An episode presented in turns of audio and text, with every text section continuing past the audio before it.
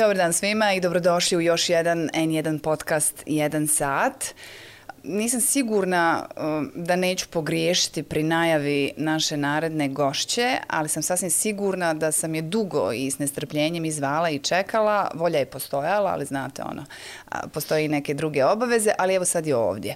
Ona je um, prepoznatljiva kroz muziku i bila i zapravo jeste još uvijek, pa je onda njena karijera e, nekako nastavljena kroz televiziju i kao TV lice i kroz TV produkciju, vežemo je mnogo sa Eurosongom, onda je vežemo i za parlamentarne klupe, predstavnica je naše zemlje i dan danas to mi je malo čas rekla pri Vijeću Europe, ona ismeta dervoz, i evo je ovdje sa mnom. Hvala vam puno izmeta. Trebala sam dodati i moja dugogodišnja šefica i, mentorica na neki način. Stvarno mi je drago da ste tu. To mentorica mi je čast. Hvala vam ako vi to kažete. A za šeficu znate da se uvijek išlo po kafu. Tako da to je prolazna funkcija na kojoj provedete neko vrijeme, ostanete i ne smije niko misliti da je to nešto jako važno. To je samo nešto što donosi odgovornost.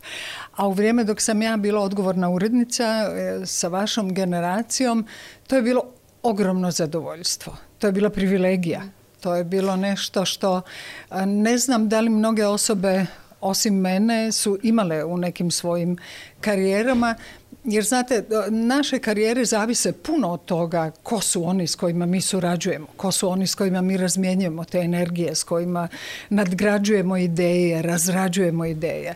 E pa ja sam bila jedna, jedna jako sretna osoba jer ste došli vi i vaša generacija i onda je sve to bilo zadovoljavajuće i danas se toga rado sjećam. gledatelji reći čuju što komplementiraju jedno drugo, ali stvarno moram da se nadovežem da kažem da je nama stvarno i dan danas ponos reći mi smo radili sa Ismetom Dervoz. Radili smo na različitim projektima. Gospođo Dervoz, a, radili smo i u tom timu je bila i naša kolegica, istina nešto malo starija od mene, na neki način sam i od nje dijelom učila. Vi ste je zvali u to vrijeme, vjerujem da i dan danas tako mislite, najboljom voditeljicom koju Bosna i Hercegovina ima. Mhm. To je naša Segmedina Srna Bajramović koja nas je napustila. Znam da vam je emotivno i meni, ali iako kad smo se dogovarali nešto ranije, nismo mogli ni slutiti, ni pretpostaviti da ćemo otvoriti ovakvu temu i da će se to desiti.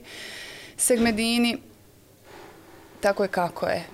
Jučer smo ispratili, ali to je nešto što znate da se dogodilo, ali ne prihvatate. Jel da? To je, to je prosto jedna nepravda, strašna životna nepravda, da neko ko je imao toliko kvaliteta, toliko ljepote u sebi, na svaki način, i one fizičke i one unutarnje, i da, da tako kratko bude s nama. To je, znate, kad ja pomislim koliko ima nas koji koji smo decenije stariji od, od Segmedine, pa nam je eto život dao priliku da još uvijek budemo tu, da radimo, da postojimo, onda je to stvarno jedna strašna nepravda životna da, ona onakva kakva je, bila i kakvu je mi poznajemo. Nema više tu mogućnost da dijeli tu svoju ljepotu, tu svoju dobrotu. to svoje ozbiljno, drago, decentno lice. Znate, ona je, ona bila vrlo mlada kad, kad smo se mi prvi put upoznali i počeli, ali već tad je imala to u sebi to jedno dostojanstvo životno, taj jedan, jedan lijepi odnos prema poslu. Nikada joj ništa nije bilo teško, nikada ništa nije odbila. Znate, vi imate puno ljudi koji kažu nije mi to u opisu radnog mjesta, ja sam urednik, urednica, ne znam ovo i ono. Segi je uvijek, sve šta kod ste rekli, donesi čašu vode gostu ili pripremi tekst za najavu emisije, ona je to uvijek radila s jednakim elanom, s jednakom ozbiljnošću uvijek. A kvalitet kakav je ona donijela u politiku, to moram sad reći iz ovog drugog ugla i nekog mog angažmana u politici, je rijedak. Osobe koje ne potpadnu tako pod, pod taj manir bahatog, nekultivisanog ponašanja, te, te demonstracije nekakve svoje vlastite veličine sile na kraju, znate samo zato što dobiju povjerenje ljudi i sjednu na neko mjesto da rade neki posao. Takve osobe su rijetke. Segmedina je potpuno pokazala da je politika posao, da je to nešto što je ozbiljno, što zahtjeva pripremu, angažman, način na koji smijete i ne smijete govoriti u javnom prostoru, ona je to sve imala pri sebi i zbog toga mi je posebno žao da, da, da nije dovoljno dugo bila na takvim mjestima da se to eventualno malo primi i na ove druge koji, koji nas tako kontaminiraju tim svojim ružnim ponašanjem i načinom na koji misle da se smije ponašati. Kad govorite to, s čim se u potpunosti slažem, kako je ništa nije bilo teško, pa, pa sjećam se između ostalog i tog projekta, sjećate se sigurno i vi koji smo skupa radili, dobri ljudi. Ja sam tad na neki način nisam bila ovako po godinama klinka, ali sigurno ne sa tolikim iskustvom kako ste imali vi ili kako je imala i Segmedina Srna i dodijeli ste zapravo emisiju njoj da radi sa mnom. Dakle, kao jedna već formirana zvijezda i osoba sa tolikim iskustvom i renomeom već u tom trenutku mogla je malo imati i prema meni odnos kao ono, ti si mm. početnica ili možda ispod časti mi je raditi, ali, ali nikad nije. Dakle, toliko je mm, bila velikodušna i nesebična. Nikad nije bila takva. Ona je, ona je zaista bila velikodušna i kao osoba. Meni se jako dopadalo to što je uvijek imala mjeru Znate, ona imala mjeru u svemu što je radila i u načinu na koji se radovala i u načinu na koji je prolazila kroz svoje probleme i u, načinu na koji je komunicirala s koleginicama, s kolegama. A nikad neću zaboraviti, 99. vraćali smo šlager sezone. To je meni bio vrlo važan projekat. I trudili smo se da svaki segment mora biti tačan, dobar, precizan, da, da nadgradimo ono što smo imali ranije. Segi je dobila ulogu e, glavne voditeljice i pomagala je u pripremi, u tekstova i u scenariju i u svemu. I onda se jako obradovala kad smo u jednom trenutku rekli da ćemo otići u Zagreb da malo poradimo na tome kako se može maksimalno dobro izgledati na jednoj takvoj manifestaciji. Htjeli smo i to malo podići. I onda smo došli kod, kod tadašnje apsolutno prve vizažistice u, u ovom dijelu Europe, kod gospođe Višnje Trusić koja je pogledala Segmedinu, onda se okrenula meni, dugi niz godina smo se znali prije toga i rekla je, a draga moja, šta vi mislite da ja tu mogu napraviti? Nema se tu šta dirati. Nemate tu šta mhm. dirati. Ona je samo rekla, ovo je prejaka ličnost i previše lijepa osoba da bi joj se bilo šta trebalo učiniti. Mi ćemo samo napraviti da se to sve vidi iako se neko još sjeća trenutka kad je Segmedina izašla u skenderi na tu scenu, to je bila bajka. Apsolutno. Dakle, to je jedna fizička, jedna emotivna, jedna, jedna moralna ljepota, jedna osoba koja će sigurno nedostajati svima nama. Koliko god vremena da prođe, uvijek ćemo žaliti da nismo imali to vrijeme s njom, a ja uvijek u ovih nekoliko dana samo na prvo mjesto stavljam naravno njenu djecu, njenu porodicu i nadam se da oni osjećaju koliko mi osjećamo sa, sa svima njima. Da, e, nažalost iza nas je par godina koje su bile prepune odlazaka dragih, bliskih ljudi, ponajviše uslijed pandemije koronavirusa sad se desila e, i i na smrt i uvijek kad neko ode, gospođo Dervoz, e, drži nas tek nekoliko dana ideja kako trebamo biti bliži jedni s drugima, kako trebamo e, ići zaista na te kafe koje si stalno obećavamo, ali nas to brzo prođe. Vi ste, ne znam ili još uvijek to tako osoba koja ipak uspjeva održati veze, veze sa ljudima. Meni je to jako važno, ja vam to moram priznati, to uvijek to je bilo važno. To neki trening, ja recimo znam da mi uvijek čestitate rođena, nikad ne zaboravite, jedina osoba, mama će me zaboraviti. E, mislim, vjerujem da negdje imate upisano, ali treba, treba biti pripremljeni na taj način. Naravno da imam upisano, ja to ne bih mogla upamćiti toliko s radošću, ja jer vas ima upisane, brojne ali meni to puno znači. Čak i da mhm. vi meni ne odgovorite na te poruke, to meni puno znači da ja znam, da vi znate da sam ja negdje u blizini, da mislim na vas, da vas pratim u tim vašim karijerama, da, da se radujem vašim uspjesima, da se radujem tome kako ste svi iz te generacije izrasli prvo u sjajne osobe, sjajne profesionalce, roditelje. Vi ste postali onako jedan, jedan, jedan bedem koji je meni kako mi to lijepo nekad znamo reći za bramede, znate, ja volim da, da kažem da ste vi neko s kim sam ja imala zadovoljstvo raditi i tako. A osim toga, kontakti i komunikacija su po meni uvijek osnov nečega što nas kao osobe čini takvima i drži nas negdje na nekom, na nekom mjestu. Užasavam se toga da pet ljudi sjedi u, u, jednom, u jednom restoranu ili kafiću i svi gledaju u svoje mobitele, niko ni s kim ne razgovara.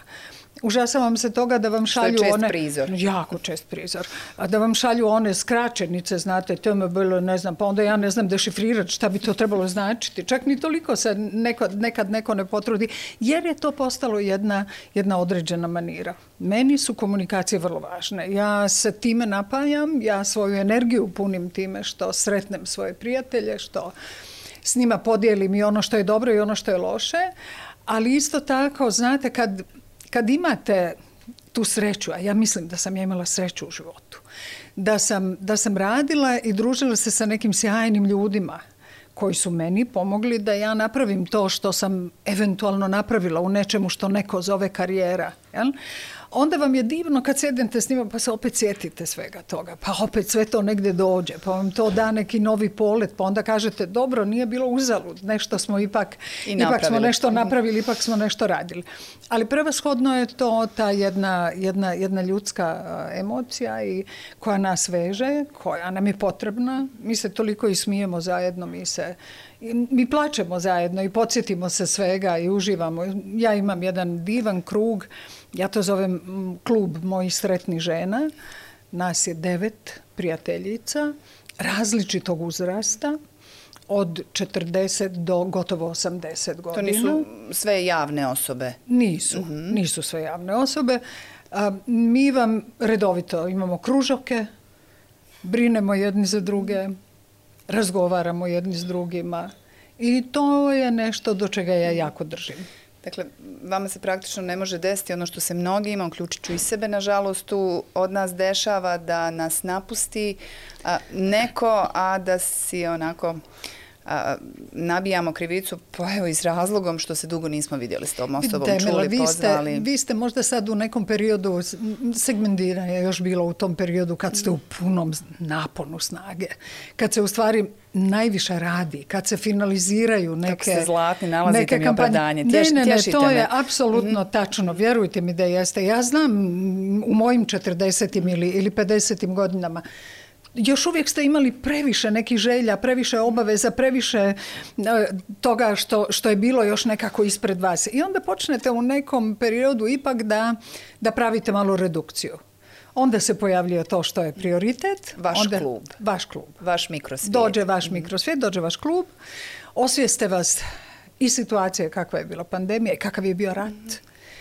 I, i kakva, je, kakva je ova situacija sa ovim šokantnim gubitkom naše, naše segi. To vas nekako sve više i više odvaja od nečega što vi znate da jednostavno bez vas može.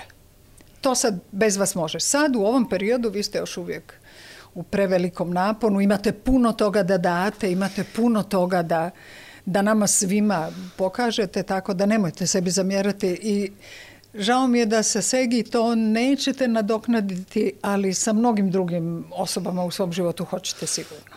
I ja na neki način imam sreću, kako ste i vi rekli za sebe, pa evo, ako ništa kroz posao mogu vidjeti dosta dragih ljudi, kako? evo imam sa vama sad priliku.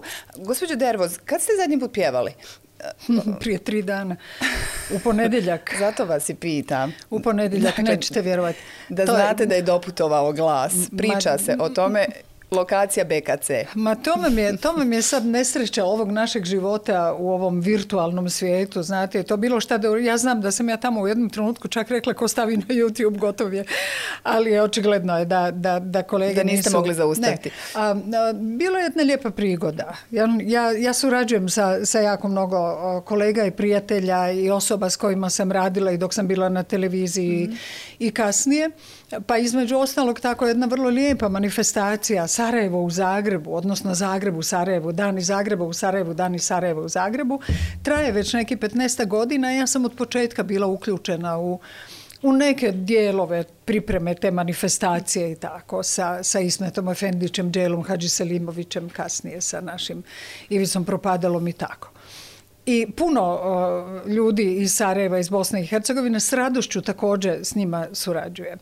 A pozvali su me da dođem na otvaranje ove godine i nama su priredili jedno lijepo iznenađenje. Znate, mi svi kažemo, aj ko šiša nagrade, ne trebaju nama nagrade, priznanja šta će to nama i tako, ali drago vam je kad se neko sjeti da, da ste vi negdje tu nešto malo pomogli ili ste uradili. Oni su to ove godine vrlo lijepo napravili. Izradili su čak i jednu malu statuetu na kojoj piše hvala pa su je dodijelili, ne znam, a tek to je onako veliki gušt, znate, Ademiru Kenoviću, uh, Arjani Saračević, eh, Bojanu Hadžihaliloviću. Biti u tom krugu dakle, u tom krugu biti mhm. odabran, meni je to onako jako, jako bilo ovaj, drago i cijelo to veče je onako krenulo u jednoj vrlo dobroj atmosferi i onda se tamo pojavio jedan, jedan muzičar kojega ja izuzetno volim i, i, i ne mogu odoljeti nikad kad ga vidim da, da malo ne pojačam radio ili televizijski prijemnik ili da čujem kako on to radi. Ante Gelo, jedan čudesni gitarista koji, znate, isto, ali potpuno isto izgleda kad svira u Carnegie Hallu ili ako je na plaži na Korčuli zajedno sa svojim prijateljima. I to je ta energija koja, koja je porazna. Vi se tome ne možete obhrvati, apsolutno nemoguće a, oni su pripremili jedan sjajan program i onda je nakon toga Ante rekao aha imamo mi ovdje i Sarajevsku ekipu pa ne znam Leila Jusić pa ne znam Ismeta Dervoz ja sam naravno pobjegla u mrak misleći da je mm, to je iza mene, jer ja to ne radim i ja to ne radim, stvarno ne radim. Ali onda vam se desi taj momentum, znate, jednom muzičar, uvijek muzičar, jednom bina u nogama, uvijek bina u nogama, šta god da radite. Muzika to ne ide u penziju. Ne, mhm. kakvi, to ne ide u penziju, to je jednostavno ste inficirani doživotno. Ante je počeo nešto svirati, onda eto tako, malo se pjevalo. Izašli ste na binu i pjevali. Jeste, mhm. pjevalo, ali nekako, nekako ovaj, sam to doživjela kao nešto što je bilo neminovno jednostavno se trebalo desiti, a meni je bilo veliko zadovoljstvo da je Ante bio pored mene, tako da sad... Koliko je to zapravo e, bilo godina od posljednjeg nekog formalnog nastupa, Formalni nastupa na Bini? posljednji je bio 2018. godine u Beogradu sa Željkom Joksimovićem na njegovom koncertu e, Mijenjam pjesmu. To je serijal e, prednovogodišnjih koncerata koje on radi. On izrazio želju da pjevamo Zemlja moje u jednom duetu. I to je, moram vam reći, ovaj, u, prvom trenutku ja sam to odbila, misleći da šta sad ja imam se Znate, morate sad ići kupiti haljinu, pa trebate se šminkat, pa ne znam sad sve to. Ali onda sam shvatila da je u stvari ta godina, 50 godina od kad sam ja bila prvi put na sceni.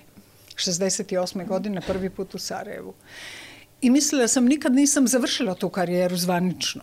Ja sam se samo nekako povukla kao na privremeno, poslije se sve promijenilo, otišlo dalje, a kolege obilježavaju godišnjice, pjevaju velike koncerte i tako i to mi je uvijek onako malo bilo. I onda sam ja rekla, dobro, ovo može biti tačka na i, da. tačka na i, ono, višnja na tufahiju, znate, da se završi.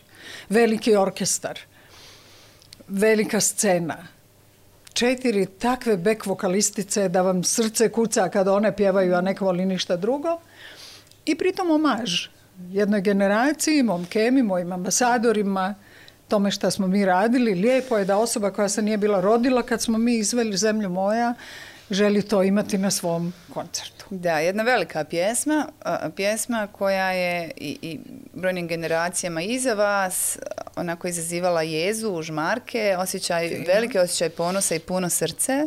Ja evo sad vrtim u glavi. Mm. Stvarno, kakav vam je danas osjećaj? Kakva vam je danas emocija? To je bila jedna druga zemlja, a, druge okolnosti, mnogo razloga za ponos. Istina, bilo je onih koji ga nisu imali. Drugačija vremena, vremena u odnosu na danas. Evo danas kad pjevate Zemlju moja, ako potim podrazumijevamo Bosnu i Hercegovinu, kakav je osjećaj? Pa vrlo iskreno, Zemlja moja nije u svom začetku bila Eh, rodoljubna pjesma, mhm. patriotska pjesma. Ona je bila ljubavna pjesma, ona bila posvećena... Ali je postala vrlo rodoljubna. Ja, naravno, jer je ona kao takva percipirana i protumačena, ali Kemo Monteno imao u... U, svom ovaj, u, glavi one ljude koji odlaze, znate, one naše u to doba gastarbajtere koji su radili negdje po cijeloj Europi, po cijelom svijetu i vidim polja što se žitom zlate, to je bilo to iz njihovog ugla, je li dok ja nisam tu, ali onda poslije zemlja moja dobila jednu, jednu drugu konotaciju koja meni nije bila ni malo mrska, ja vam to moram reći, to je apsolutno... ja stojim iza toga. i apsolutno, da. stojim iza mhm. toga. I gdje god smo došli, gdje god smo svirali zemlju moja, niko nije u tome nalazio nikakav problem. I vidite čak ni danas. Recimo, ako se svira, prije nekoliko godina je čak bio jedan, jedan slučaj, jedna politička partija u Crnoj Gori je uzela zemlju moja kao light motiv za svoju kampanju, bez da su pitali bilo koga, bez da su bilo šta uradili. I kad su to meni javili, ja sam onda rekla, ne znam, samo neka riješe ove autorske stvari i to znate, da se, što se mene pa tiče, pjevaju neka pjevaju, apsolutno, ako to kao tako osjećaju. Jel? Jer to je nešto što ne vrijeđa nikoga, ne postoji ni jedna riječ u toj pjesmi koja bi trebala biti pogrešna za bilo koga. Mi smo bili sretni da je nama dana. Kemo je to dao ambasadorima za šlager sezone 75. I dan danas, e, lijepo je, znate, kad, kad ljudi nekad ne mogu da vam se sjete imena, a desi se to, negdje se pojavite, pa iznenadite ljude. Oni obično kažu, ja zemljo moja. Znate, to je. Meni je to skroz Postoji alternativa, je za Za Šta sam zapravo ja vas htjela da pitam, možda sam to nespretno formulisala, je ono što vi danas osjećate ili imamo li razloga za ponos na zemlju u kojoj danas živim. Ja htjela da izbjegnem, pa nije mi uspjelo. A zato, dakle, shvatili ste me šta sam pitala. nije mi, uspjelo. u redu. ja sam ponosna na ljude u Bosni i Hercegovini mhm. vrlo često. I na one koji su ovdje i na one koji su srećem vani. toliko pametne mladosti živi ovdje oko nas i s nama. ono što mi danas, s čime izjednačavamo zemlju, nije naša zemlja Znate, mi, mi ne govorimo o, prirodnim ljepotama, o bogatstvima, o, o ljepoti, o ljudima, o, o dobroti u ljudima koje, koje susrećete. Ima toga, još uvijek, ima toga puno. Mi govorimo o politici i govorimo o dnevnoj politici i govorimo o političkom okruženju koje nama stvara... O etnonacionalnim podjelama. Tako, etnonacionalnim koje nama stvara u stvari jedan gorak okus ne zbog toga što mi živimo u Bosni i Hercegovini, nego zbog toga što je Bosna i Hercegovina postala takva, zahvaljujući takvom odnosu prema njoj. Mi malo volimo ovu zemlju.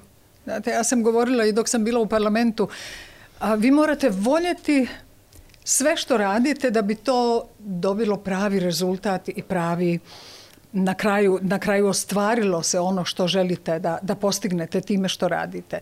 Morate voljeti tu Bosnu i Hercegovinu da bi ona imala prilike da cvijeta, da, da onda ne biste prolazili pored smeća koje se baca ko zna gdje, pored deponija, pored razrušenih ulica. Dolezeći vama, ja sam mislila da se vozim po Makadamu, znate, po tim našim užasnim šahtovima, po našim... To nikome ne smeta. Zašto to nikome ne smeta? Ali koliko Mora ste, koliko ste vi kao jedinka Evo, opet ću se vratiti dakle, i na segmedinu Srnu za koju ste konstatovali, ali kako je imala tu neku drugačiju namjeru i prezentaciju kroz tu svoju političku karijeru, mogli mijenjati okolnosti. Kako je Ismeta izgledala politika iz ugla kad ste bili e, televizijska producentica i urednica u odnosu na ono kad ste sjeli u parlamentarne klupe. To me uvijek zanima. imamo osjećaj da su to potpuno drugačije perspektive. Da tek kad tamo uđete vidite koliko možete ili ne možete kao jedinka koja ima tu ljubav prema Bosni i Hercegovini stvar mijenjati. Apsolutno. To je to je nešto o čemu većina nas ne razmišlja dok se ne nađe u toj situaciji. Ja zbog toga danas kažem da zbog nekih stvari mi je možda drago da sam bila četiri godine u tome, da sam to vidjela. Iz nekih drugih razloga mi nije nimalo drago sad. Neke stvari eh, su, mi, su mi bliže, jasnije, poznatije i zbog toga sam više ljuta što one kao takve ostaju. Evo ja sam sad sedam godina u penziji, znate, 2014. sam ja završila mandat. Vi danas imate iste ljude koji govore iste stvari na isti način, ne trudeći se da bilo šta promjene Oni su postali majstori u blokadama on samo brinu kako će negdje pronaći neku mogućnost da sve zaustave. Jer njima nije u interesu da vi ili ja eventualno budemo neko ko će pitati nešto. Znate, onda nas se tom ružnom atmosferom, tim, tom manirom, to kontaminiranja javnog prostora odvodi na neke marginalne stvari, pretvara nas se u nekoga ko se bavi nekim nekim dnevno političkim sitnim stvarima koje su na kraju ispod časti. Znate, grozno je slušati te ljude koji se svađaju kao da su ne znam, kao da su, ne, mogu naći nešto da ne uvrijedim nekoga, znate, da to uporedim s nečim. Oni e, jednostavno ne dozvoljavaju nama kao zemlji i nama kao ljudima da dođemo na one pozicije na kojima bismo mogli mijenjati stvari na kvalitetan način za sve nas. Kad sam ja radila svoje poslove na televiziji, bila u, u, muzičkim vodama, ja sam i tad bila vrlo aktivna kao kao javna osoba, jer ja sam znala šta je odgovornost, ja sam znala šta se smije, ja sam znala na koji način će oni koji me slušaju eventualno protumačiti ili percipirati ono što ja kažem. I zbog toga je naša generacija, čini mi se, ipak ostala na neki način onako na jednim dozvoljenim nivoima javnog istupanja i komunikacije. Vi danas vidite da ljudima je potpuno svejedno. Je li to najprivatnije na svijetu što dakle, oni imaju? Pa to... linija više zapravo i ne postoji. Ne, ne postoji. Apsolutno mhm. ono kao takva ne postoji. I to je rezultat, ja mislim, upravo ove manire koja je instalirana. U politici se može puno toga. Politika je zbog toga i stvorena. Jel? To je posao, to je mogućnost da vi neke stvari mijenjate, promijenite, učinite boljima, ali za sviju, ne za sebe. I tu je ono što se, što se kod nas događa. Znate, mi imamo neke ljude koji 30 godina sjede na nekim mjestima, hvale se javno svojim ogromnim džipovima, automobilima, kućama, voćnjacima, bazenima. Skreću tokove rijeka da učine svoj život udobnijim, a valjda elitnijim, nemam mm. pojma. A kad ih pitate zašto žene porodilje u Bosni i Hercegovini toliko godina nemaju izjednačena prava, kako je moguće da jedno dijete u jednom kantonu vrijedi manje nego neko dijete koje se rodi u nekom drugom kantonu, vas gledaju onako malo zaprepašteno, znate, kao što, kakve to ima veze? Nije u polju njihovog interesovanja. Nije u polju interesovanja, nije nešto što ih se dotiče. Ja imam dojam da ljudi u Bosni i Hercegovini u politici žive u jednom balonu u kojem su potpuno zaštićeni tim svojim interakcijama koje su sjajno koordinirane. nemojmo se mi uopšte zanositi da... Da su oni jedni protiv drugih. su on, ne, apsolutno. Pa ja sam gledala bezbroj kafa na kojima se nakon žustrih rasprava u parlamentarnoj skupštini sjedi i sjajno komunicira i divno dogovara daljnje aktivnosti i tako dalje. Vidjela sam ja neka čak i grli i ljubi i, sve, privatno Pa dobro, ja to volim. Neka su oni svi dobri, neka oni lijepo komuniciraju i tako. Ali neki nama to pokažu. Ali neka to nama pokažu. Hoćemo im malo ljubi jer ja ne mogu više gledati ta ta ljuta, ta namrgođena, ta bahata, ta prijeteća lica s kojima se oni nama obraćaju, znate. A kad se slučajno dogodi nešto dobro i kad mi pokušamo da to dobro podignemo negdje na, na neko nivo na kojem će se građani obradovati, znate, evo dobro je, onda se nađe hiljadu razloga da se to anulira, da se popljuje, da se omalovaži, da se kaže, ah, nemaju oni pojme, tako dalje. Dakle, ne daju nam da, da dišemo. Balon treba probušiti. Probušiti, da. Balon treba probušiti, to je potpuno jasno. Kako govorite, tako mi u, u glavi niz pitanja nastaje, stalno mi dajete šlagvort. Kad ste sjeli prije nego što se kamera upala, rekli ste kao sat vremena, već sam tad znala da će nama sat biti nedovoljno, ali imamo još Nije nam nikad bio problem. Meni je, moj problem u životu je bio to što um, zbog radija, radio je kriv za to, sam ja naučila da govorim u dugačkim rečenicama, znate. Prosto proširene rečenice na radiju ne piju vode, jer vi gledate sekundaricu koja kaže 60 sekundi do vijesti, izvolite to popuniti. I nema tu puno ovakve priče, jel? Ali imate situacija na radiju kad vi morate popuniti 15 minuta, 20 minuta, gost kasni, nije došao, nešto se promijenilo, ne znam, i onda mi svi naučimo. A, a ne možete to zakamuflirati nekom neverbalnom komunikacijom jer je ipak radio. Nije, nije televizija. na televiziji tu i tamo možete nešto i napraviti. A, ali da se vratim na jedan šlagvord kad ste spominjali e, našeg, mogu reći našeg, ja tu ne mislim, vama je bio privatno i prijatelj, ali ja ga ono kao građanka Bosne i Hercegovine i Sarajeva smatram također svojim, Kemo Monteno, za kojeg stvarno nekako mislim da, da mu nismo odali dovoljno počasti i poštovanja. A, sličan je slučaj, ne znam jel se vi slažete sa mnom, bio i sa našim legendarnim Kinđetom, kojem je postavljen evo svježi spomenik na Skenderi. To da vas pitam, jeste li vidjeli? Jesmo li se prekasno sjetili ili ono bolje ikad, nego nikad? nikad, nije kasno. Za neke stvari možda mora doći trenutak, mhm. možda mora ja sam vam od onih koji vjeruju, a, vjerujem da ćete se vi s tim složiti, vi ste takva osoba, puno zavisi od pojedinaca. Znate, ekipe obave, naravno, šta bismo mi bez svih vaših suradnika ovdje? Šta bismo mi bez svih ljudi na televiziji i na radijima koji su nama pružali a, potporu i asistenciju i pomagali da neka naša ideja se realizira? Nemoguće je to. Ali uvijek je jedan onaj koji Lider. koji vuče, koji, koji pokreće, onaj koji ne odustaje, što je najvažnije od svega. Ja nekako mislim da mi nismo imali dovoljno ljudi koji bi rekli neću odustati, to treba da se desi. Dok sam ja bila u, u, nekoj poziciji da sam to mogla, ja sam se silno uz nekoliko koleginica i kolega trudila da mi u Sarajevu napravimo onakav koncert za Kemala Montena kakav je bio u Zagrebu recimo na godišnjicu njegove, njegovog odlaska. A ako se sjećate njegovog koncerta koji sam ja radila u Skenderiji dvije druge, to je prvi posljeratni veliki koncert koji se dogodio.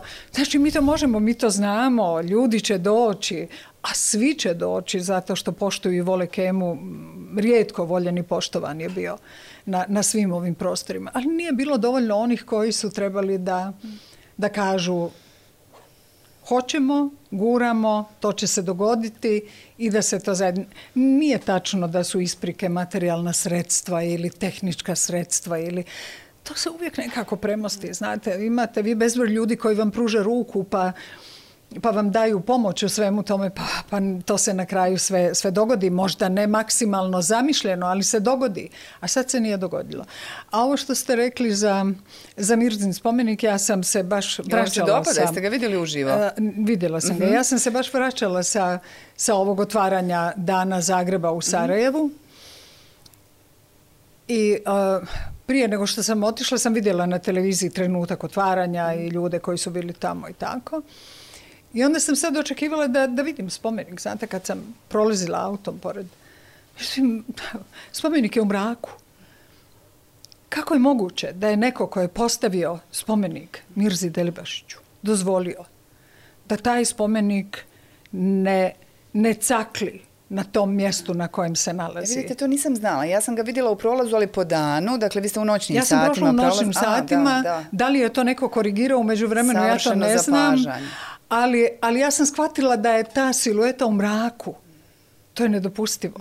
Znate, to je detalj na koji je neko morao obratiti pažnju i misliti na to. Ako ste već svjesni toga da taj čovjek zavređuje, da tamo stoji njegov lik pred tom dvoranom koja nosi njegovo ime, onda ga morate vidjeti. Ne može biti u mraku. I po noći. I po noći. I po noći.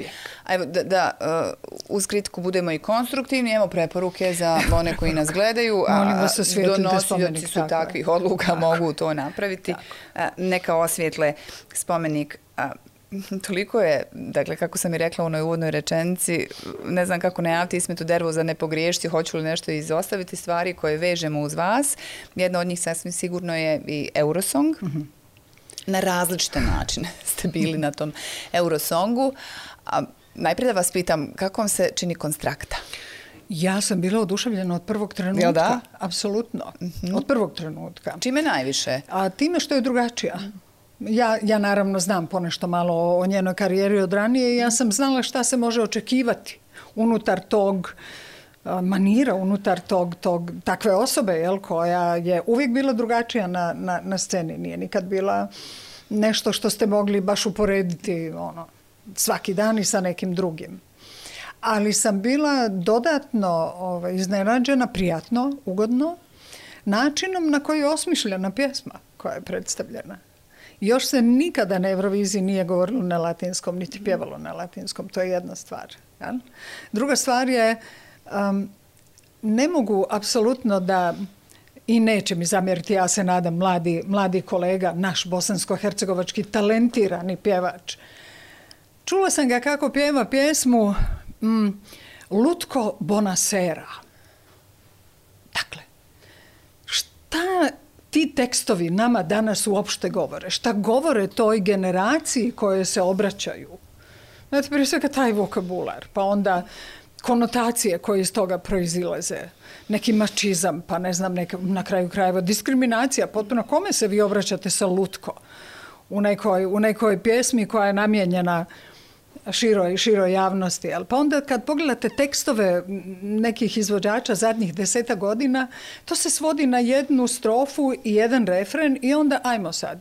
Samo što nije perpetu mobile, jel? To se vrti dok se ne ispuni minutaža. I onda vam dođe žena koja na početku pjesme kaže koja je tajna lijepe kose Meghan Markle. I vi morate istog sekunda stati i reći, molim, šta se ovdje događa, jel divno. divno morate uključiti možda ne vi Morate. Tjera vas zapravo da razmišljate, što je ona sama govorila, pjesma je onome o čemu ste vi razmišljali zapravo i smislili. Apsolutno. I još onda naravno tu onako Cehovski sam ja vrlo ove, pogođena time što je ona govorila o jednom velikom problemu estradnih radnika i umjetnika generalno o njihovom mhm. zdravstvenom osiguranju i to. Moja generacija je imala sreću, Emela, mi smo imali ljude koji su nas opremili tim nekakvim spoznajama da mi moramo brinuti za sebe, ali nam je i sistem dao mogućnost da možemo. Mogli ste biti zdravi ili imali ste priliku da se knjižice, liječite. Da, i umjetnica mora biti zdrava, naravno. I ja sam otišla u penziju sa 21 godinom radnog staža koji sam sama platila zahvaljujući tome što nam je sistem omogućio da mi kao slobodni umjetnici možemo brinuti za svoje zdravlje i za svoj staž. To se danas ne događa. Dakle, konstrakta je sjajna. Pobjedila nije. A, pobjedila je. Pobjedila Ona je pobjedila. je onako formalno, zvančno nije pobjedila, ali što to e, konstatujem? E, zato što hoću da kažem da je pobjedila Ukrajina, dakle zemlja e, koja prolazi nešto slično, nije to baš isto u odnosu na ono što smo mi, slično onome što smo mi prolazili od 92. do 95. Šta je zapravo, hoću da vas pitam, zašto Fazla nije pobjedio? Mhm. Ismeta Dervo, za one koji eventualno ne znaju, vjerujem da to znaju, je zapravo bila šefica delegacije u trenutku kad je Bosna i Hercegovina 93. s tom pjesmom Sva bol svijeta po prvi put kao nezavisna zemlja nastupala na Eurosongu. Ja sam šta više bila kriva za to da smo mi trčali preko pista jer je moja što ideja bila... to će sve brzo proći. Jeste, moja ideja je bila da, ako smo mi samostalna priznata mm. država, ako smo članica IBU-a, e onda zadatak nas kao, muzičara, kao osoba koja se bave time čime se bave je da radimo svoj posao, a idealna prilika da to pokažemo je bilo takmičenje za pjesmu Eurovizije 1993. godine. sjećam se u to doba je direktor radiotelevizije bio Mufid Memija i onda smo mu Nuno Arnautalić i ja došli. Nuno je bio šef muzičkog programa na, na televiziji koji je zadužen za, za takve projekte. Mi smo došli, ja sam rekla, znate, mi mislimo da bi mi trebali ići na Euroviziju. To, Sarajevo gori, mi nemamo struje, agregati održavaju televiziju i sve to. I sjećam se Mufid ovako sjedi iza jednog stola i kaže, a vi mislite da vi to možete? I na to Nuno onako gleda mene i kaže, pa Ismet ja smo nešto razgovarali, ja kažem, možemo. I on veli sad ovako, ajte. I to je bio signal da mi možemo početi. to je sjajno. To je bilo, mhm. to je bilo mhm. dakle, izvanredno. Apsolutno izvanredno. Ali onda, onda smo se mi suočili sa svim mogućim problemima. Nemate Koliko struje... ste puta uopće izlazili tad i u kakvim okolnostima četiri, iz Bosne i Hercegovine? Četiri iz Bosne i Hercegovine. Kogod vam kaže da se nije mogao vratiti u Bosnu i Hercegovinu, izvinite, moglo se, ali bilo je teško živa istina. Neću pa ovaj, da nešto dodaš, suzdržat se od komentara na to kogod ne, ne, Ja, dozvoljavam, ovaj, prije svega ja sam vrlo tolerantna osoba koja smatra da jedno od glavnih ljudskih prava je pravo na izbor smijete izabrati ono što želite i treba da izaberete ono što želite. Jer vi stojite za svojih odluka i za onoga šta će vaša odluka. Dobro onda i ne kažete otišao sam, nisam se vratio zato što se nije moglo vratiti, nego što je to bio moj izbor. Moj izbor je bio da se ne Tako, evo vidite, to je ono što je mene ovih dana malo, mučilo. možda ne bi trebala. U stvari ja sam u nekim godinama kad treba reći ono što, mislite zato što... Kada ako ne sad. Mm. a, Veliki broj ljudi je te 93. radio na tome da, da ta ideja uopšte zaživi. Morali ste najprije napraviti izborno takmičenje, festival u ratu.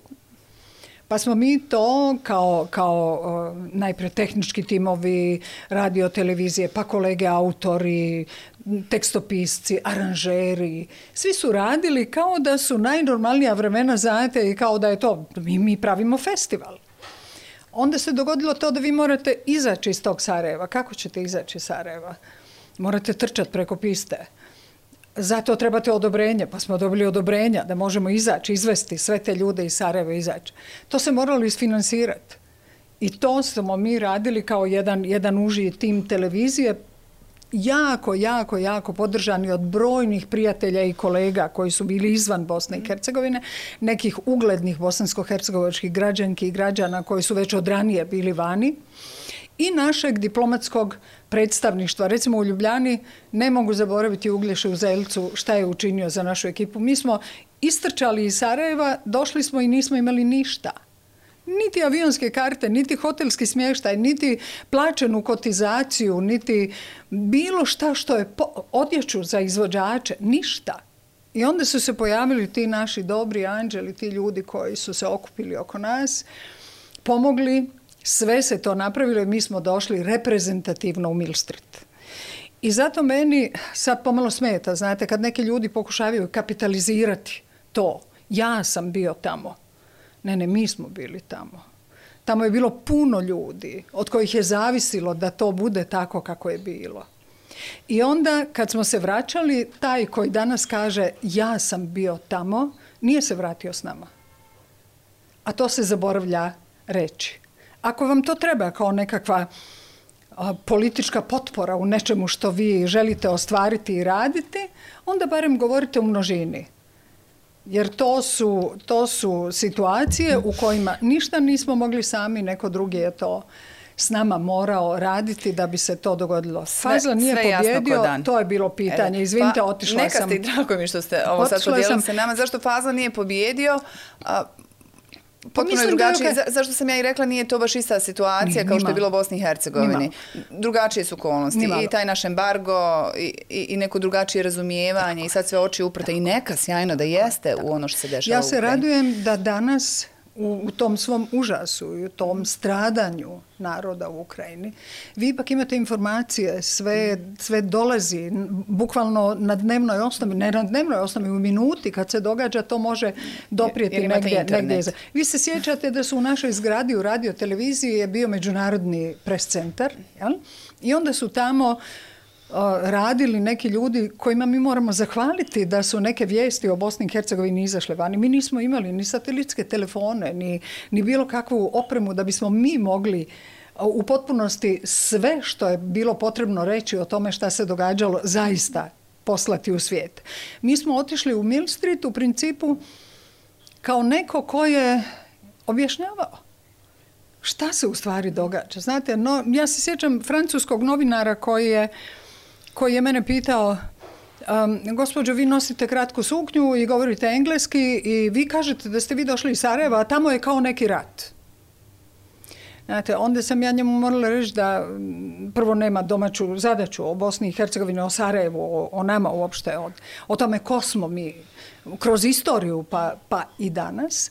Druga da očigledno ono što se zove ljudsko dostojanstvo nije njemu baš nešto jako blisko, a to je ono za što se mi borimo pa i tim našim dolaskom u taj Mill Street i načinom na koji želimo predstaviti muzičare, umjetnike Bosnu i Hercegovinu. I da to što ja nosim kratku suknju i govorim engleski, samo nešto govori o meni, a ne o njemu koji ne zna da mi naravno govorimo jezike, da naravno smo imali plinsku rasvjetu, Bog vas pita prije koga i tramvaje, Bog vas pita prije koga da smo zahvalni Francuskoj za, za parfeme, obožavamo ih svi, jel? ali da znamo zbog čega su oni nastali kao takvi, kako su nastali i šta se događalo kroz prozore dvoraca francuskim kraljeva. Jel? S tim smo se mi susretali s predrasudama. Pa volim vas. dobro. to, su, to su bile predrasude, to, to, to je bilo neznanje. Mi smo, mi smo mali, mi smo i danas mali. Mali u smislu da geografski po broju stanovnika, po tome koliko se trudimo da pokažemo nešto da. izvan mhm. nas ovdje, mi nismo mhm. dovoljno angažirani. Bili nam e, tako malima kakvi jesmo, bilo važno da smo i dalje prisutni na Eurosongu. Evo ja ću vam samo probati da se ne bih nasekirala jer mene to nasekira, ja to govorim Pogađa zbog... vas ta tema, Ja to govorim zbog koleginica i kolega u Bosni i Hercegovini. Vi imate toliko talentiranih mladih ljudi. Ima toliko autora koji poput konstrakte mogu da donesu nešto potpuno drugačije. Znači vi ste i dalje u toku s tom muzičkom scenom. Ma ja to pratim, naravno, ja to, volim. nisam toliko u toku i da me pitate, ja bih rekla da ona uopće nije plodna trenutno. Ne, ne, ona je, ona, je plodna, mhm. ali nije vidljiva. Mhm. Zbog toga što nema tu sistemsku podršku, vi trebate medije, vi trebate muzičke produkcije, vi trebate studije. Kako vi trebate... ste vi bili u onim posljeratnim godinama. Takvi smo bili, jeste. Da. Takvi smo bili, mi smo to radili. Mi smo, kao što je moja generacija stvorena, mi smo stvarali generacije onda kad je to bilo potrebno poslije, poslije rata i bilo je rezultata ogromnih, sjajnih. Ako se sjetite samo pomenutog šlagera 99. Pa bože, to je bila plejada, apsolutno najbolji ljudi koji su postojali u Bosni i Hercegovini i u zemlji i izvan zemlje su bili tu na toj sceni i došli su iz istog razloga da podrže one nove koji trebaju startne pozicije i da, i da se to dalje može održavati tako. To se ne radi i zbog toga oni nisu dovoljno vidljivi. Ali imate vi entuzijaste, imate vi ove ljude koji okupljaju djecu u nekakvim rock bendovima pa moj drug Nunar Nautalić je tamo mentor jednom rock bendu, možete mi oni ga obožavaju. I sve i dalje u toku s tim, bravo. Pa ja to mhm. volim, bravo. Ipak, to smo rekli, e, na početku muzika nikad ne ode u penziju. Nikad ne ode u penziju. Ljubav prema muzici i, i angažman u muzici. A osim toga, mhm. ah, vi, se u muzici možete izgubiti, vi se u muzici možete naći, vas muzika može utješiti, muzika vam može pružiti puno, puno zadovoljstva. Muziku svi razumiju na kraju. Hoću da vas pitam, bar još dvije stvari, imam ja još vremena. Prva je, kad ste sad govorili o tim posljeratnim godinama i kako ste stvarali prilike i kako je postojala ta produkcija dok ste bili na televiziji, ajte mi recite iskreno, kako ste kao žena, pa bez nekog tog backgrounda, ovog sad popularnog, da imate nekog e, u politici, da vas neka stranka drži ili nekog porodičnog, uspjeli biti takav autoritet, a bili ste, mhm. nećete vi tu imati lažnu skromnost, četama ljudi među kojima je bilo mnogo muškaraca. Znate, ono, Ismeta, vi kad nešto kažete, to je prosto tako moralo biti. Mm, ne mislim ja da je to bilo samo do mene. Znate, ja sam naravno bila ona, i sad sam takva, Bože, to vam je, opet mislim na Segi, Znate, mi smo se znali zezati kako pripadamo tom nekom horoskopskom znaku, mi smo obje rođene u januaru kako smo mi cijepidlake, znate, kako mi to sve po deset puta provjerimo. Pa jeste bili jedna i druga odmah, da ja, vam sad kažem. Eto, vidite, ja, ja sam svjesna toga, a to sad kažem na glas, to ne bi nikad rekla u ono doba. Kad to ima to... svoje prednosti. Da. Ono. Ali mi smo, ja, ja sam vam uvijek u životu se trudila da budem vrlo precizna, da, da apsolutno mi se ne potkrade negdje nekakva mogućnost da zbog neke moje greške se nešto uruši. Mi smo timovi, mi smo radili, kao što ste rekli i sami, u velikim grupama, 50 ljudi, 100 ljudi vam vam je u ekipi kad radite direktan prijenos, jel? Da, to su bile ogromne da. produkcije. I onda vi morate, vi znate da ako kolega kamerman sad tamo povuče jedan kabel, pa pa nema nas. Ako neko od tonaca kaže nešto mi se ne sviđa, te tras nema, jel? I svi ljudi, međutim, imaju taj svoj profesionalni odnos prema poslu koji rade. Samo vi njima morate reći da su oni dovoljno važni, svi. Od kablomana do redatelja, glavnog producenta, organizatora i nas koji smo kreatori nekih ideja i koji smo... važnost njihove uloge u cijelom procesu. Njihova važnost u tom procesu je ono što je ljude držalo i to kad vi govorite o nekom autoritetu, ne, to je bila naša zajednička želja da nešto realiziramo. Mi smo bili svi posvećeni tom poslu divno je sad... Pa ovaj... niste baš imali mnogo primjera žena, liderica u to vrijeme, pa... pa- A da se nisu baš svađali ni s kim, to? Ja pa nekako ste sve to znali, kako bi rekla, držati ono, gdje spada i kako treba. Ja mislim da je, da je svim osobama koje, ja se nadam barem, da je osobama koje su sa mnom se susretale u poslu uvijek bilo jasno da ja ništa ne personaliziram. Ja vas privatno volim, naravno. Strašno vas volim ali mi dođemo da radimo posao, vi imate svoj zadatak, isto kao i ja. Jeste li nas zato uvijek persirali? Jesam. Eto, to, je razlog zašto sam vas uvijek mhm. persirala i dan danas. Ja sjednem i družim se sa svim mojim dragim ljudima s televizije i s radije, mi se persiramo. To je način na koji mi iskazujemo, ja pretpostavljam, neko naše poštovanje prema tome što smo podijelili zajedno i u čemu smo sudjelovali. Ali bilo je vrlo važno da vi znate da je vaša uloga u tome jedinstvena, važna posebna. Ne možete bez Emele i Segi koje u studiju drže sve, ne možete ni bez našeg Saše, ideje i u koji gore sjede, ne možete ništa bez naše Hajre koja će organizirati sanje ili mog sude, jel?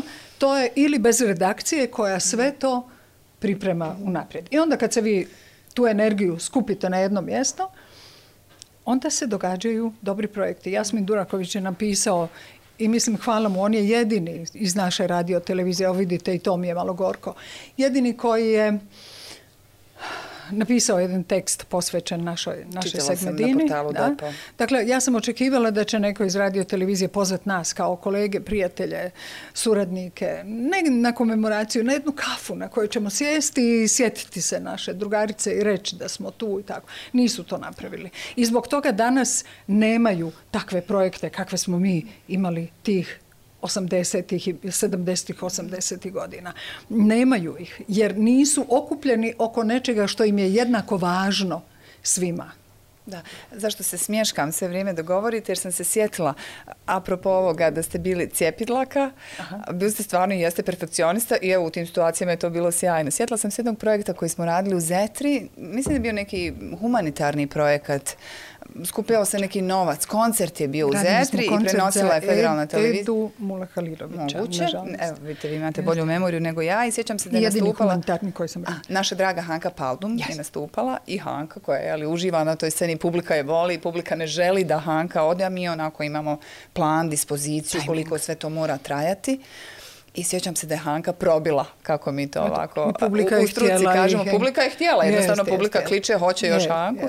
I da ste vi meni rekli, Emela, vi sad morate gore izaći i prekinuti Hanku.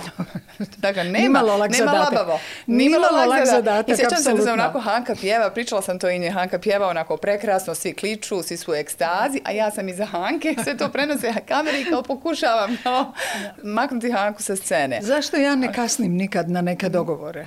Zato što mi znamo da direktan prijenos počinje. E pa to, dakle, nema odlaganja. To, su bili vaši razlozi. I znamo da, recimo, ako imamo određeno trajanje, za direktan prijenos imamo trajanje. I morate, ako probijete bilo gdje, morate to stići. Vi to znate danas, svaki dan ste u živim programima i znate kako se to, kako se da, to kompenzira. Bez obzira ko nastupa bez u Bez obzira ko, mm. to se, sve, to se sve radi. I to nije imalo nikakve, nikakve veze sa, ovaj, ali to je način na koji smo mi mhm. funkcionirali, tačno. Da, Nemojte zakasniti. Koliko, koliko ste vodili računa o zakasniti mm -hmm. i nemojte probiti odjavna špica, zna se kad ide odjavna špica. Da.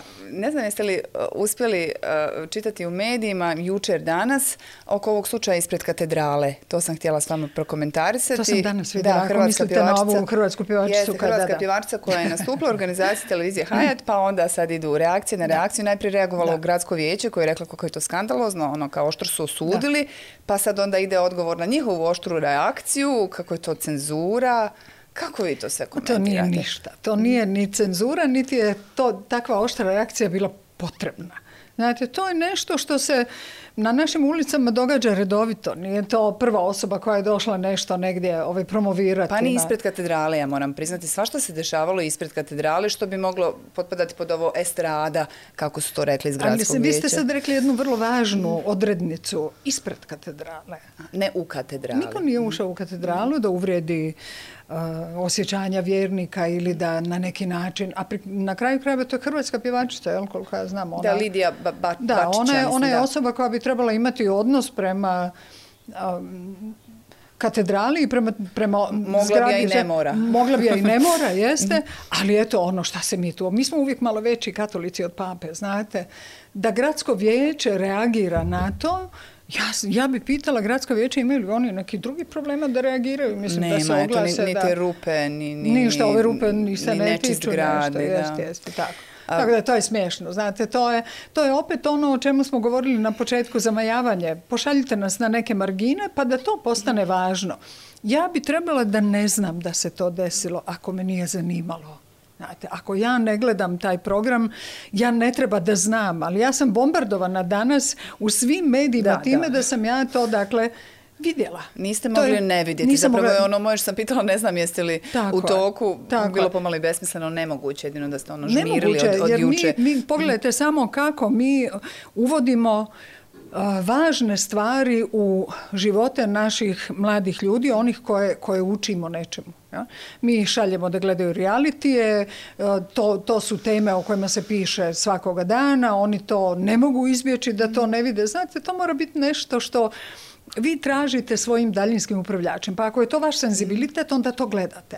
Ali to ne može biti primarno unutar svega onoga čime, čime se mi, mi bavimo i što bi trebalo biti nama važno. Ja bih negdje rekla, mada neću mnogo o tome, da je to dio i ove e, političke predizborne kampanje koja je uveliko počela i koja će biti kako mm. prljava, jer vidite već tu ono, koja, televizija se veže s kojom strankom pa to organizuje, koje stranke glasa. da smo nećemo, neovisni mediji, tako Nećemo mi sad o njima tu razgovarati, nego ja hoću vas da pitam, s obzirom da ste otišli u penziju zvanično, jeli, kad je, kad je prestao taj mandat u, u parlamentu, vi ste i dalje vrlo aktivni. Nisam znala dok mi niste rekli pred snimanje da ste i dalje zapravo u Savjetu ili Vijeću Europe. Nisam u Savjetu, ja sam samo jedna od njihovih suradnica, dakle ja ne mogu biti ne, dakle na, isti način kako ste bili uh, dok ste bili u, sazivu parlamenta, da, na to sam i mislila. Radi se, radi se neme o tome, Emela, da opet govorimo o nečemu što je posao. Znate, mi mistificiramo neke stvari.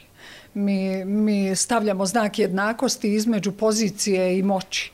Mi stavljamo znak jednakosti između vidi mene, ja sam to, ovo je moj auto, a ovo je, ne znam, moja vikendica. Jel to su neke stvari kojima se mi bavimo. U svijetu postoje jasni parametri. Vi imate zadatak. Ako ga obavite, apsolutno ste se kandidirali za dalje. Ako ga ne obavite, kod nas je problem da većina onih koji su prije mene bili u Vijeću Europe nisu bili zainteresirani uopšte za bilo šta od toga. Mi smo 20 godina bili članica Vijeća Europe dok ja nisam postala prva izvjestiteljica za Bosnu i Hercegovinu. A? to je zadatak parlamentarca da radi u komitetima, da radi na izvještajima, da se angažira, da, promovira na kraju krajeva svoju zemlju kroz ono, ono što radi. I u to doba su mi već neke osobe iz, tog milja skretale pažnju da recimo pošalju mailove istaknutim ljudima i institucijama u Bosni i Hercegovini. I onda nema ni pisma ni razglednice, znate.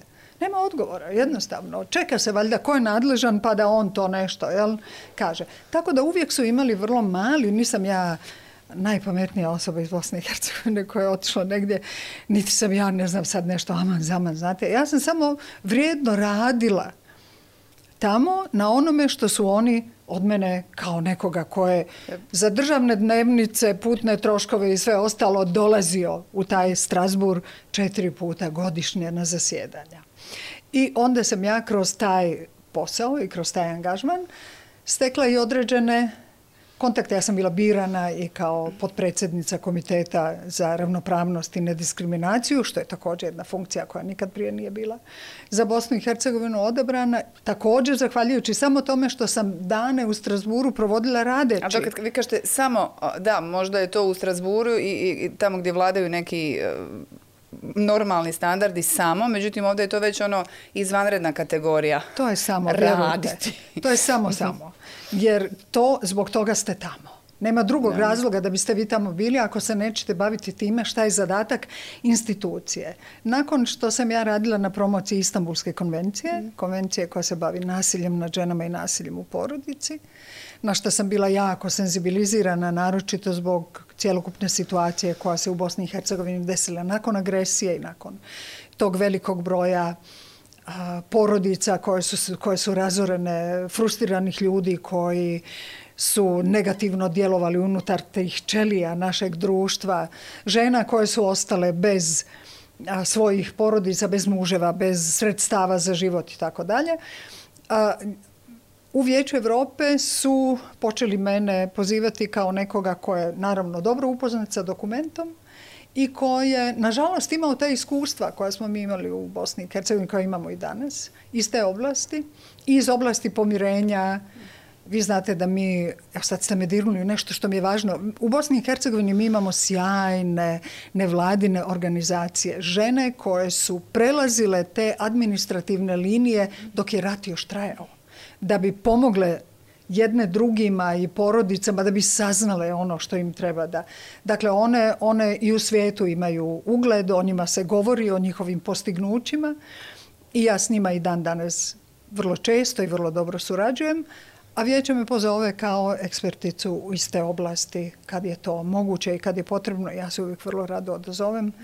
A, iako mogu samo još nešto reći. Neki ljudi zaista čine puno na promociji Bosne i Hercegovine sjajno rade izvan ovih naših granica. I, Neki Bosanci i Hercegovci Bosanci koji su i Hercegovci koji, vani. koji su isprebi, i neki ljudi koji su naši iz mhm. Bosne i Hercegovine i koji individualno rade neke poslove vani i imaju te velike, velike uspjehe.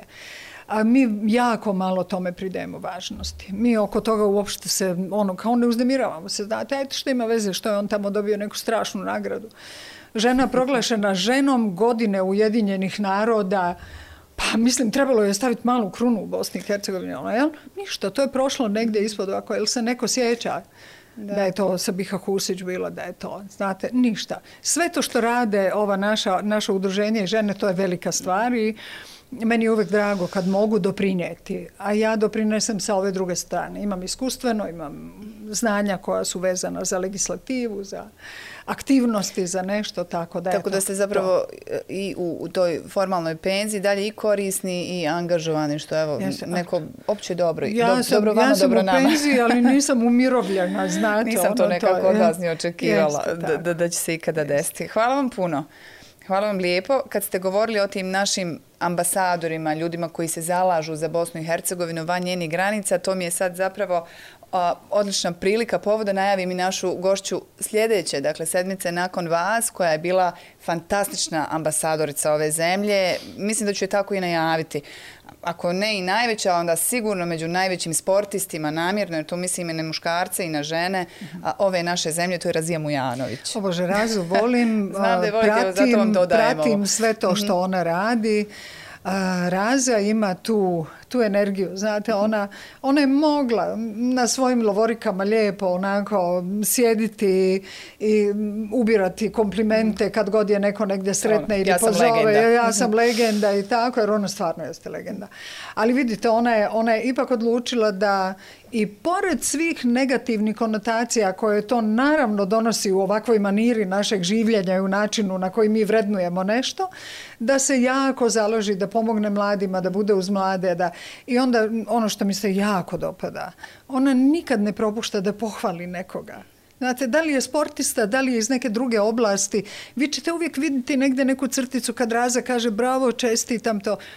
To je još jedna stvar koju, evo ako dozvolite da, da kažem na kraju, moramo znati pohvaliti ljude. Moramo znati reći bravo, to si dobro napravio. Hvala ti, to si napravio za mene, za nas. To smo nekako negdje izgubili.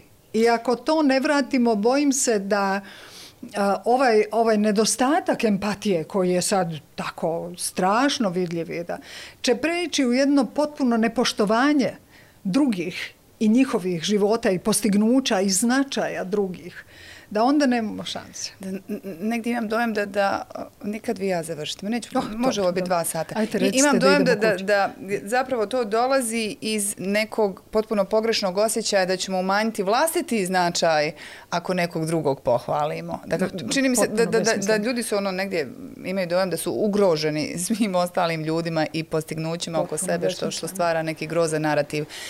Hvala vam. Hvala vam. Stvarno vam hvala. Hvala vam, hvala i svima onima koji su imali strpljenja da, da, da me slušaju i da, da mi ovaj, učine zadovoljstvo da, da mi ispune ovo vrijeme. Vama posebno hvala za poziv. Vi znate da ja u posljednje vrijeme ne, ne pojavljam se prečesto na ovakav način toga u, medijima, ali postoje uvijek neke osobe i neke prilike koje treba iskoristiti. Znate, ja uživam u tome što, što vas gledam nasuprot sebe danas i uživam u tome što znam da ćemo vas još dugo slušati i gledati i da će osobe poput vas možda na neki način biti pročišćivači ovih mutnih voda u kojima, u kojima mi živimo. Samo se, samo se pazite. Hvala vam puno. Da, pazite se. Ovo je sjajna poruka koliko možete i za naše gledateljice i gledatelje. Oprostite ako smo na trenutke ovo malo privatizirale, ali... Moramo stvarno smo morale. Ismeta Dervos bila je gošća jednog sata. Ostanite uz jedan.